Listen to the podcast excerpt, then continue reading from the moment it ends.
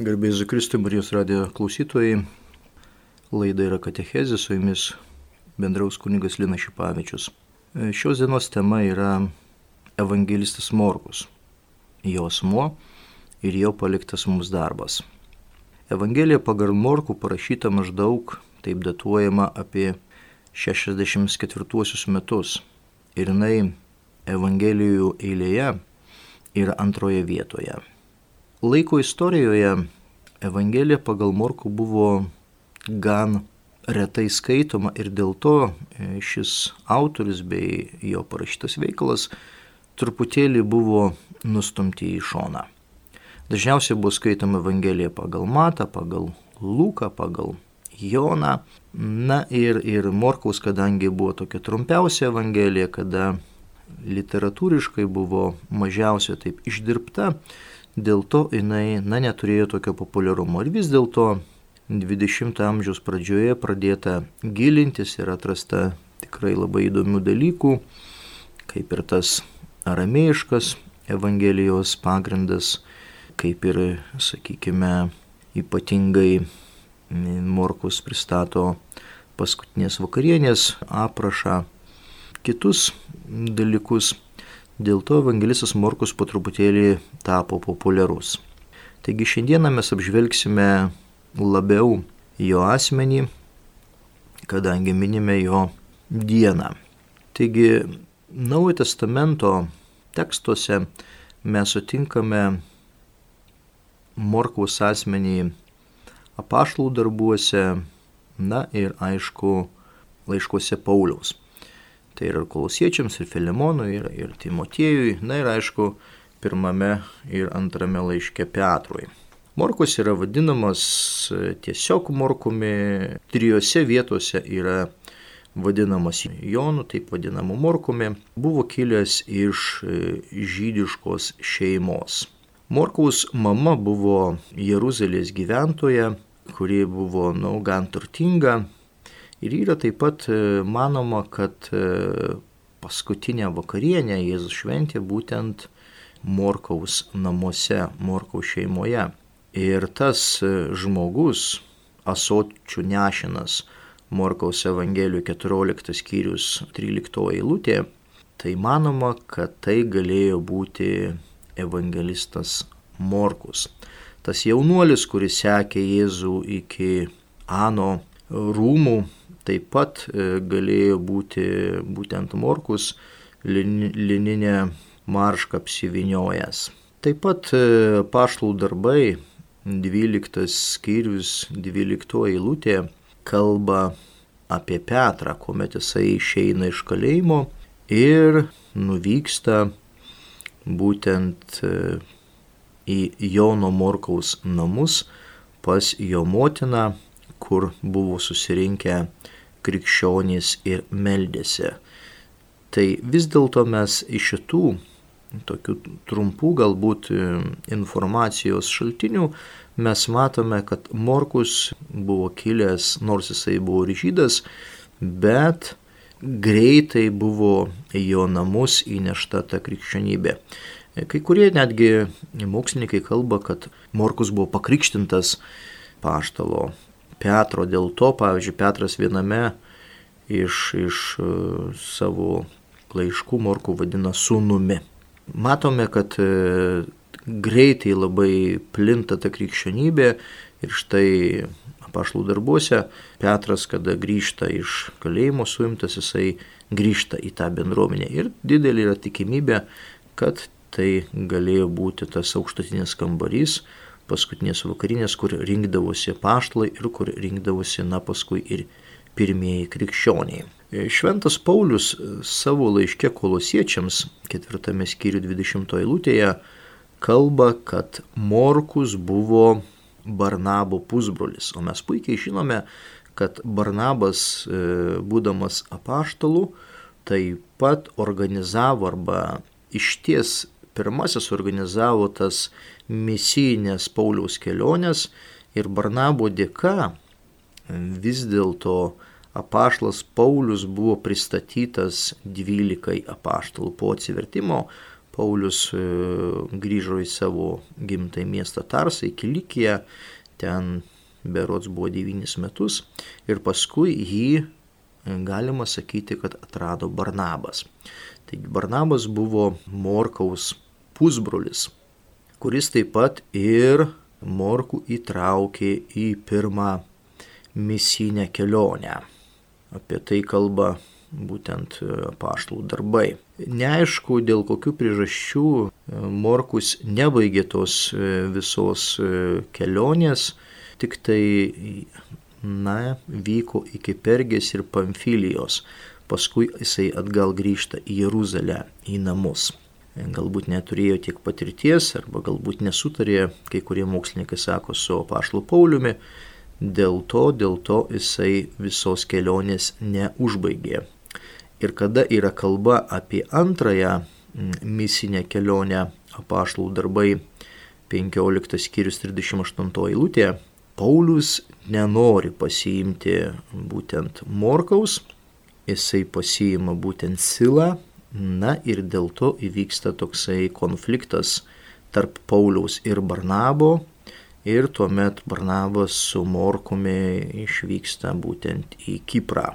O Paulius tęsia tą kelionę savo antrą misinę su savo pagalbininku Silu ir vyksta į Siriją ir Kilikiją. Apie tai kalba paštalų darbai 15 skyrius 39 eilutės. Tačiau laikui bėgant jau 62 metais e, Morkus jau, jau esti šalia apaštalo Pauliaus, kuris yra kalinamas Romoje. Tai mums kalba laiškas kolosiečiams ketvirtas skyrius dešimtoji eilutė ir laiškas Filemonui pirmas skyrius 24 eilutės. Vėliau e, Morkus išvyksta į Efezą. Taip pat Paulius laiške Timotiejui kviečia, kad e, Morkus atvyktų iš tikrųjų pas jį į Romą, nes jisai na, labai reikalingas jam tarnystė. Ir čia iš tikrųjų ta vat, labai, nors ir trumpa informacija, bet mes matome, kad Morkus iš ties istoriškai buvo Romoje šalia Pauliaus, tačiau taip pat ir labai tamprai bendradarbiavo su apaštalu Petru, nes vis dėlto daugelis istorikų, tyrinėtojų kalba, kad e, Morkus buvo tas, kuris, na, surašė paštolo Petro katechezės.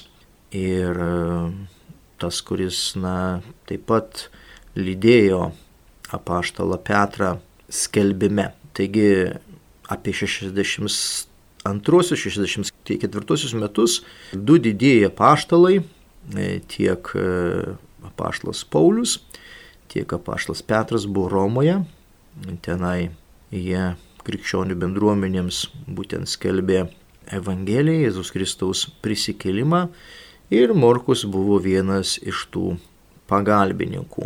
Ir štai kaip e, Petras pirmajame laiške, penktam skyriui, 13 eilutėje, sako, sveikina, sveikina jūs taip pat mano sūnus Morkus. Ir čia mes galime kalbėti apie tą tokį dvasinę sunystę, kadangi Petras buvo Morkaus tas krikštintojas, kuris pakrikštino Morkų.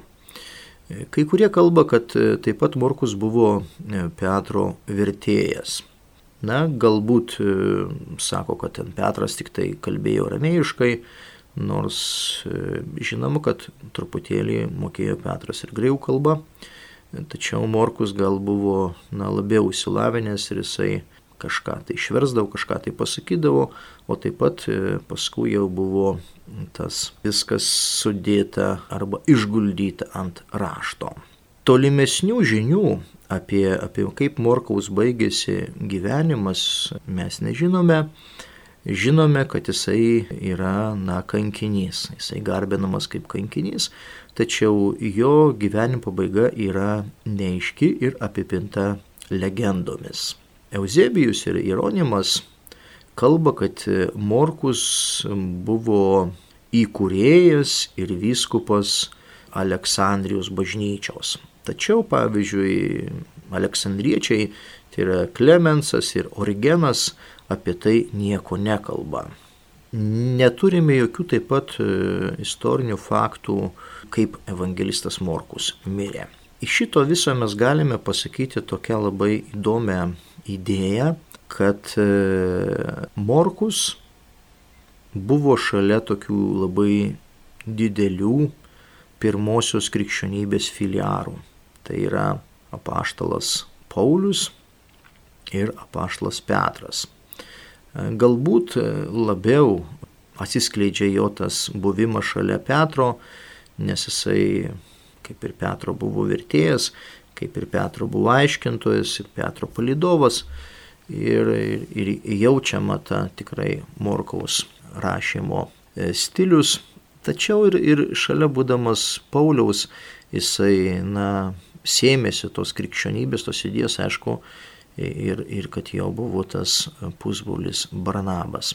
Tai Morkaus istorija yra tokia, kad e, jisai, būdamas e, tarytum šešėlyje, tarp, e, tarp dviejų asmenų, tarp Pauliaus ir, ir Petro, jisai vis dėlto įrėžė į bažnyčios istoriją savo vienu kūriniu parašytų Evangeliją pagal Morku, tai yra pirmoji Evangelija, jeigu mes E, taip galima pasakyti. Tai yra seniausia Evangelija ir dar daugiau tai yra literatūrinis žanras, kurį, na, būtent pristato visam pasauliu evangelistas Morkus. E, iki evangelisto Morkaus nebuvo tokio literatūrinio žanro kaip Evangelija. Taigi Morkus iš tikrųjų, na, jisai toksai inovatorius, jisai pirmas iš tikrųjų, na, parodo ir pristato Jėzaus istoriją. Aišku, labai glaustai koncentruojasi na, į tuos tokius e, svarbiausius akcentus, bet pavyzdžiui, vienas iš tokių argumentų, kad e, galėjo būti paskutinė vakarienė švenčiama Morkaus namuose, kadangi Morkaus Evangelijoje labai skrupulingai yra aprašytas paskutinės vakarienės įvykis, Morkaus Evangelija 14 skyrius nuo 13 iki 17 eilutės. Taigi matome, kad e, nebūtina būti tokiu, na, pirmaujančiu arba pirmoje vietoje, kaip apaštalas Paulius arba apaštalas Petras, bet galbūt kiekvienam krikščioniui, na, galbūt ir nepavyks būti tuo antruoju Petru arba antruoju Pauliumi, bet antroju ir trečiuoju Morkomi tai tik, tikrai mums e, kiekvienam pavyks. Ir jo pavyzdys parodo, kad e, jo tas išlikimas krikščionių bendruomenė, krikščionių istorija, jisai yra amžinas. Kiek krikščionybė na, na, tęsis, kiek krikščionybė bus, tiek bus skaitoma Morkaus Evangelijoje. Kas įdomiausia, dar galima truputėlį eiti iš šoną ir netgi pasakyti, kad, kad tikrai Morkaus tas buvimas bažnyčioje, jisai yra įsirėžęs iki šių dienų, nes, sakykime, koptų tradicijoje yra netgi liturgija švento morkaus. Tai reiškia, kad yra tam, tam tikras na, mišių šventimo rytas ir jau šitiek šimtmečių, netgi galima sakyti tūkstantmečių, keli jau yra švenčiame Euharistija būtent švento morkaus, nes mes žinome, pažiūrėjau, rytų bažnyčioje kad yra liturgija Jono Auksaburnio, Bazilijaus didžiojo, na, Švento Andriejaus yra liturgija, na ir yra būtent e, evangelisto, būtent Švento Morkaus. Tai štai, brangiai, aš truputėlį tokiais bendrais, labai lengvais tokiais bruožais aš aptariau Morkaus jo asmenį, kaip jo indėlį, kaip jo minėjimus, o dabar truputėlį norėčiau pereiti prie tokios didaktinės e, dalies, kuri iš tikrųjų, na, truputėlį gal mus sugyvins ir mes galėsime dar giliau peržvelgti arba pasinerti į tą Morkaus e, asmenį. Evangelijos pagal Morkų pavadinimas šiam veikalui buvo suteiktas antrame amžiaus pabaigoje. Tai pastebėkime, koks svarbus dalykas, kad, na, Evangelija, kuri buvo skaitoma pačioje pradžioje, nes mes puikiai žinome, kad pačioje pradžioje buvo tik tai ta žodžiu perduota Evangelija, geroji naujiena apie Jėzų Kristų. O tarkime vėliau, kada jau, jau tie pirmieji liudininkai, apaštalai paprasčiausiai iškeliavo pas viešpatį, tada buvo na, bandoma surašyti. Ir Evangelijos pavadinimas pagal Morkų tik tai, na, užsitvirtina tik tai antro amžiaus pabaigoje. Antro amžiaus viduryje šventas Justinas e, dialogė su žydų trifonu nurodo apie Petro atsiminimus, kaip turinčius ištrauką, kuri randama tik Morkaus Evangelijoje. Tai yra trečias skyrius nuo 16 iki 17 eilutės. Paskyrė 12. Simoną pavadinęs Petru, Zebedėjų sūnų Jokūbą ir Jokūbo brolį Joną. Juos pavadino Bonargės tai yra griaustinio vaikai. Tai štai Morkus tikrai buvo tas autorius, kuris visų pirma surašinėjo Petro atsiminimus. Eusebijus, bažnyčios istorikas, aprašo antro amžiaus pradžios tradiciją apie Morkų ir Matą, kurią papijas gavo iš vyresniojo. Taigi papijas kažkur gyvena apie 110 metus ir kalba, kad jau tuo metu buvo dvi evangelijos. Tai buvo Morkaus ir Mato evangelijos. Ir štai ką papijas gavęs tą liūdimą iš vyresniojo, tai sako, Morkus tapęs Petro aiškintojų arba vertėjų, užrašė tiksliai, tačiau ne iš eilės tvarka, viską, ką prisiminė apie tai, ką buvo pasakęs ar padaręs viešpats. Matis nei girdėjo, nei sekė viešpatį.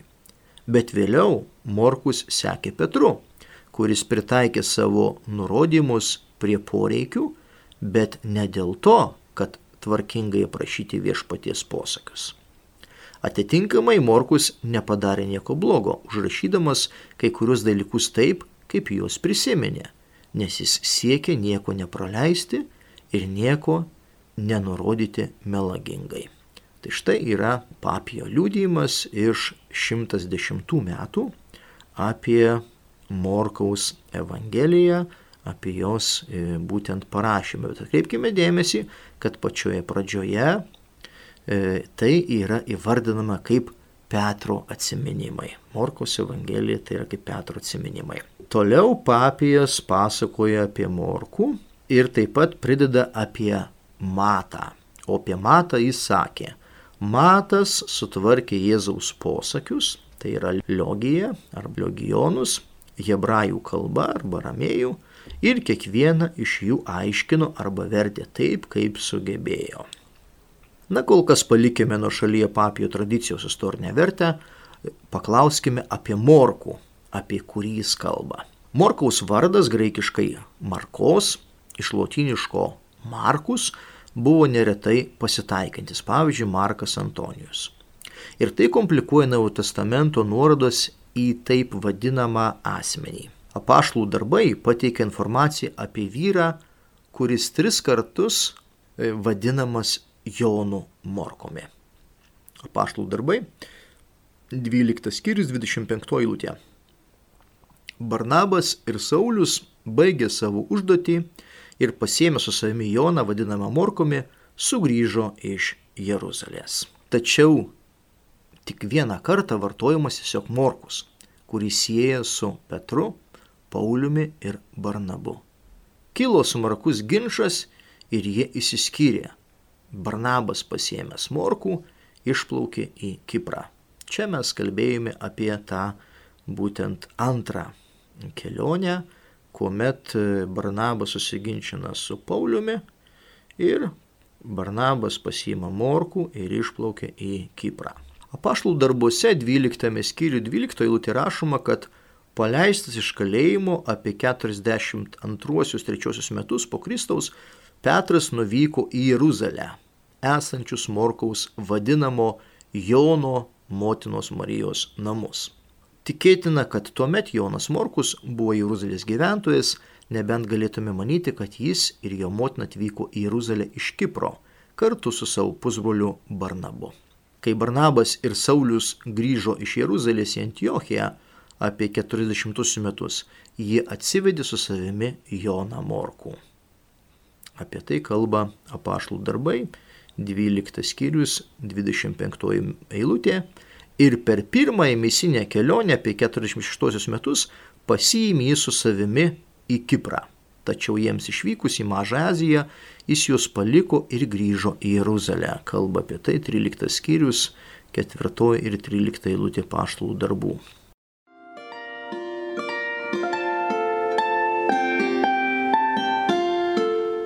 Jūs girdite Marijos radiją.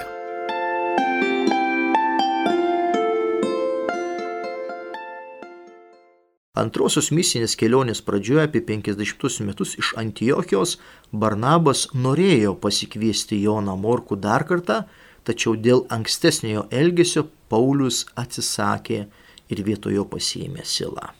Barnabas pasiėmė susimorkų ir išplaukė į Kiprą. 15 skyrius nuo 36 iki 40 eilutės.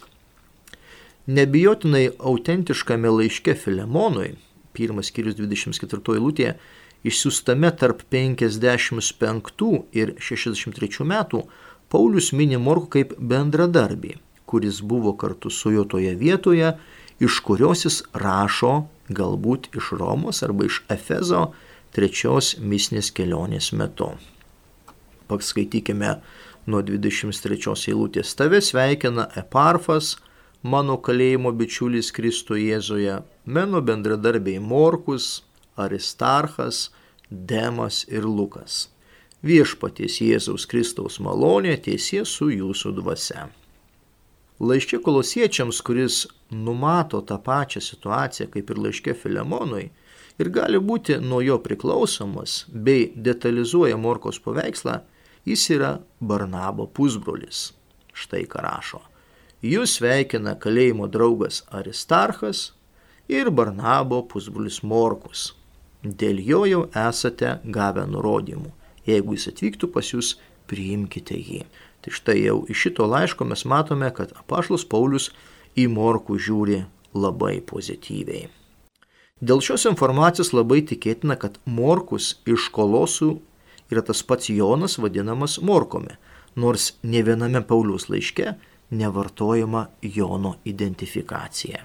Vis dėlto laiškas kolosiečiams yra pseudoepigrafinis, parašytas 80-metyje, kai vėlesni krikščionys ėmė tapatinti Morkų minimą laiškę Filemonai kaip Joną Morkų, su kuriuo pagal apašlų darbus Paulius atsisakė keliauti.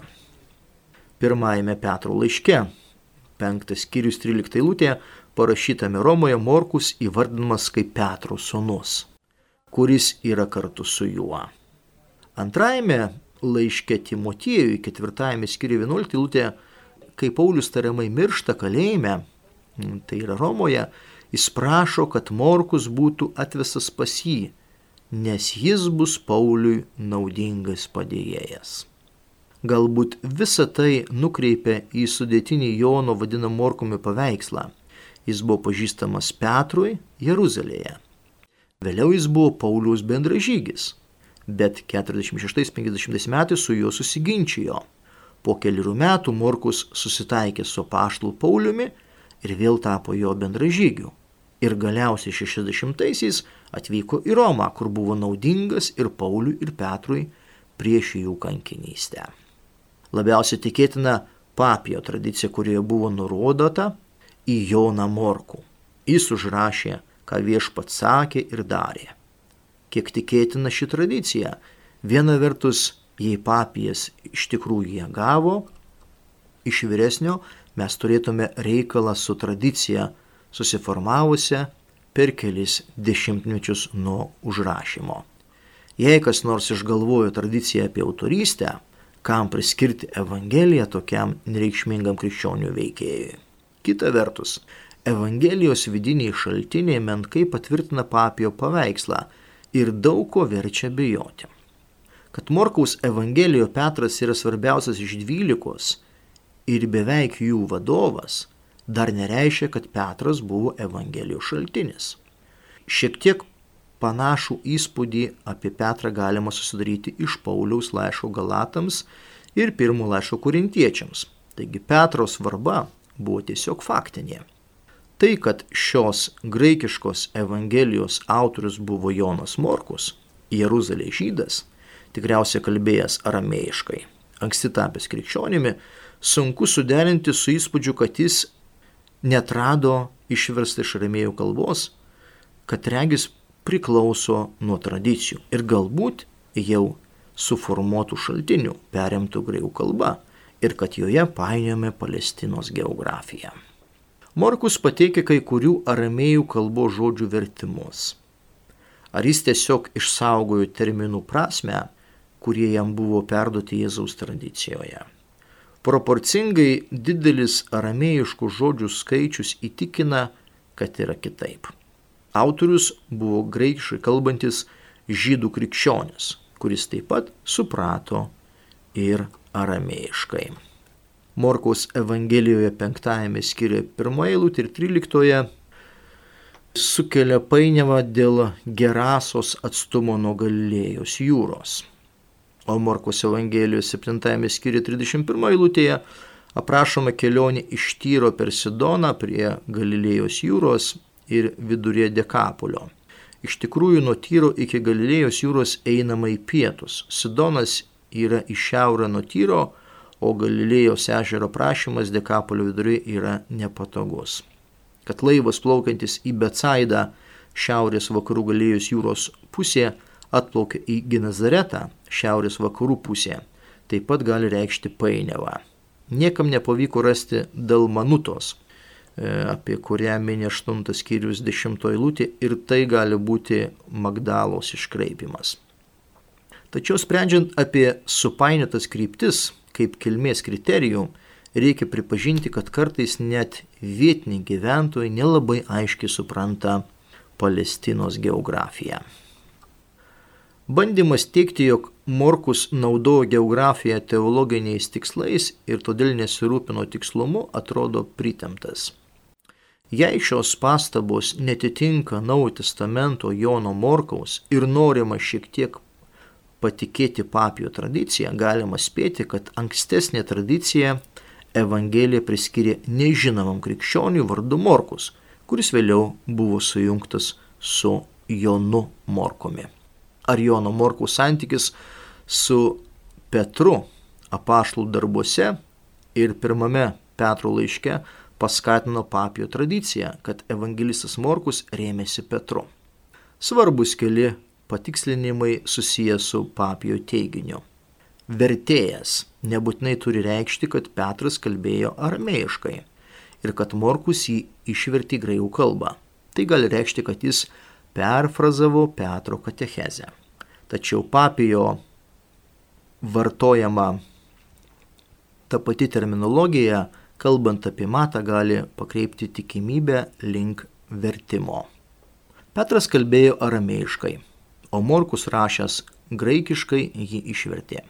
Matas kūrė hebrajiškai arba aramėjiškai ir kiekvienas atskirai turėjo jį išversti į graikų kalbą. Papijas nurodo, kad Morkus buvo ne liudytojas, kad jis priklausė nuo kerygmos ir kad jis primetė savo paties nustatytą tvarką tam, ką rašė, visą tai gali atitikti vidinius Evangelijos įrodymus apie Evangeliją. Tačiau glaudus betarpiškas ryšys tarp evangelisto ir apaštalo Petro kaip liudytojo yra sudėtingas nes kai kurie pasakojimai apie Jėzaus žodžius ir darbus Morkaus Evangelijoje atrodo antrailiai šaltiniekų ar kitų Evangelijų pasakojimams. Vėlgi, jei norime pripažinti bent ribotą patikimumą, galima laikyti Petrą archetipinę figūrą, tapatinama su Jeruzalės apaštališkąją tradiciją ir katecheze apie Jėzaus mokymą, darbus bei kančią. Kelios Pauliaus laiškų ištraukos rodo, kad istoriškai Petras buvo žinomas kaip pamokslininkas arba skelbėjas ir galbūt tradicijos apie Jėzų šaltinis. Tai sutinkame pirmajame laiške korintiečiams 15 skyriuje 3 eilutėje, 5 ir 11, taip pat laiškė Galatams pirmas skyrius 18 eilutė. Vėlesniuose paštalų darbuose Petras įesmeninamas kaip Jeruzalės bendruomenės pamokslininkas arba skelbėjas. Teigiama, kad Petras po savo gyvenimo tapo idealizuota figūra, atliekančia tam tikras funkcijas bažnyčioje. Antrajame Petro laiške, pirmajame skyriuje nuo 13 iki 19 eilutės, įkūnė Petro kaip apaštališkosios atminties saugotojo paveikslą. Štai paskaitykime. Aš laikau savo priedermę, kol gyvenu šioje padangtėje, žadinti jūs paraginimais. Žinau, kad veikia ateis mano padangtis nugriovimo metas, kaip ir mūsų viešpats Jėzus Kristus yra man apreiškęs. Bet aš pasistengsiu, kad ir man iškeliavus jūs kiekvienu metu galėtumėt tai prisiminti. Mat mes kelbėme jums mūsų viešpatys Jėzaus Kristaus galybę ir ateimą nemėgdžioti gudriai išgalvotas pasakas, bet kaip savo akimis matė jo didybę. Jis gavo iš Dievo tėvo garbę ir šlovę, kai iš šlovingosios didybės nuskambėjo jam balsas šitas yra mano mylimasis sunus, kuriuo aš geriuosi. Ta balsą mes girdėjome aidint iš dangaus, kai buvome su juo ant švento kalno. Mes turime tvirčiausią pranašų žodį. Jūs gerai darote, laikydamėsi jo tarsi žiburio, šviečiančio tamsioje vietoje, kol išauš diena ir jūsų širdise užtekės aušrinė. Formos kritikai aptinka įvairių tipų posakius, palyginimus, pasakojimus ir ginčius. Morkaus Evangelijoje nebūtų kliūtis tokiam požiūriui, nes šie būtų buvę suformuluoti pamokslavimo metu. Taigi papijas galėjo pranešti dramatizuotai ir suprastintai, kad ir rašydamas apie Jėzų, Morkus pertvarkė ir perfrazavo turinį kilusi iš standartinio tipo pamokslavimo, kuris buvo laikomas apaštališkuoju. Tai galėtų paaiškinti dvi dažnai išsakomos pozicijas apie Evangelijų sąsajas. Pirma, kad Morkaus Evangelija buvo per dešimtmetį taip priimtina, kad ją žinojo ir patvirtino kaip vadovą Mato ir Luko, rašiusių skirtingose srityse. Mūsų puikiai žinome, kad kada buvo rašomos Evangelijos tiek Mato, tiek Luko, jie naudojosi jau parašytą Evangeliją pagal Morku.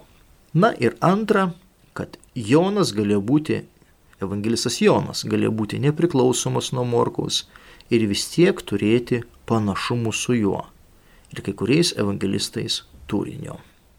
Daugelis visiškai atmestų papio tradiciją, tačiau ką tik iškeltos galimybės galėtų būti tam tikra prasme teisingos nes senovinės tradicijos dažnai iškraipyta forma turi tiesos elementų. Tai štai, brangiai, truputėlį pažvelgėme ir į tokį mokslinį pagrindą apie evangelistą Morkų, kuris, na, buvo tas pirmasis Evangelijos rašytojas ir kuris įnešė į mūsų, na, visuomenės istoriją, krikščionybės istoriją tą literatūrinį žanrą arba kitaip sakant, Jėzaus Kristaus gyvenimo istorija. Jisai buvo tas laimingas krikščionis, kurį pakrikštijo apaštalas Petras.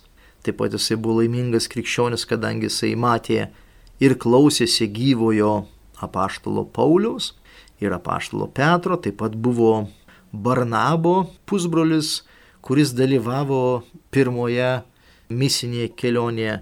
Taigi jisai buvo tas žmogus, kuris prisilietė prie tos, na, jaunos, ką tik tai užgimusios krikšnybės. Ir pasižiūrėkime, jau praėjo 2000 metų ir mes evangelistą Morku prisimename kaip tokį kuklų, kaip, e, na, per daug nežinomą asmenį, bet kuris mūsų krikščionybės istorijoje, jisai išlieka tuo pirmoju autoriumi, kuris parašė Evangeliją ir kuris norėjo perteikti savo informaciją būtent tikintiesiems. Daugelis iš tikrųjų, na, autorių kalba, kur atsirado Morkaus Evangelija. Ir taip daugelis, ypatingai katalikų, egzegetų kalba, kad tai yra Romoje buvo parašyta Morkos Evangelija, tačiau kai kurie sako, kad tai galėjo būti ir Egipte. Bet tai yra mažesnė tokia autorių nuomonė. Taigi Morkus, kadangi buvo Romoje, tai yra istoriniai įvykiai šalia Petro ir Pauliaus, manoma, kad jisai na, tenai bandė surašyti, bandė, bandė redaguoti savo tą pirmąjį pasakojimą apie Jėzaus Kristaus gyvenimo asmenį. Taigi dar kartą pabaigai visiems noriu palinkėti palaimingo Dievo laiko ir pasimokykime iš Morkaus asmens. Jisai buvo tikrai šalia didžių žmonių, nesistengė, kaip sakoma, tapti tokiu pačiu kaip jie, kaip apaštalų Petru ar kaip apaštalų Pauliumi, bet jisai atliko tai, kas jo manimu buvo, na tikrai būtiniausia arba svarbiausia, e, būtent padėti tiems didiesiems žmonėms, ypatingai Petrui, surašyti jo tą pirmąją kerygmą arba pirmą katechezę ir tai jisai įvykdė iš tikrųjų su tokiu šimtaprocentaliniu sugebėjimu ir mes dabar džiaugiamės turėdami jo paliktą Evangeliją ir vis skaitydami arba tyrinėdami vis atrandame naujų kažkokiu tai informacinių žinių. Su jumis buvo kunigas Lina Šipavičius, laida yra katechezija, tema evangelistas Morkus, taigi visiems palaimingo laiko ir, ir gražaus Velykinio laikotarpio. Te laimina jūs Dievas.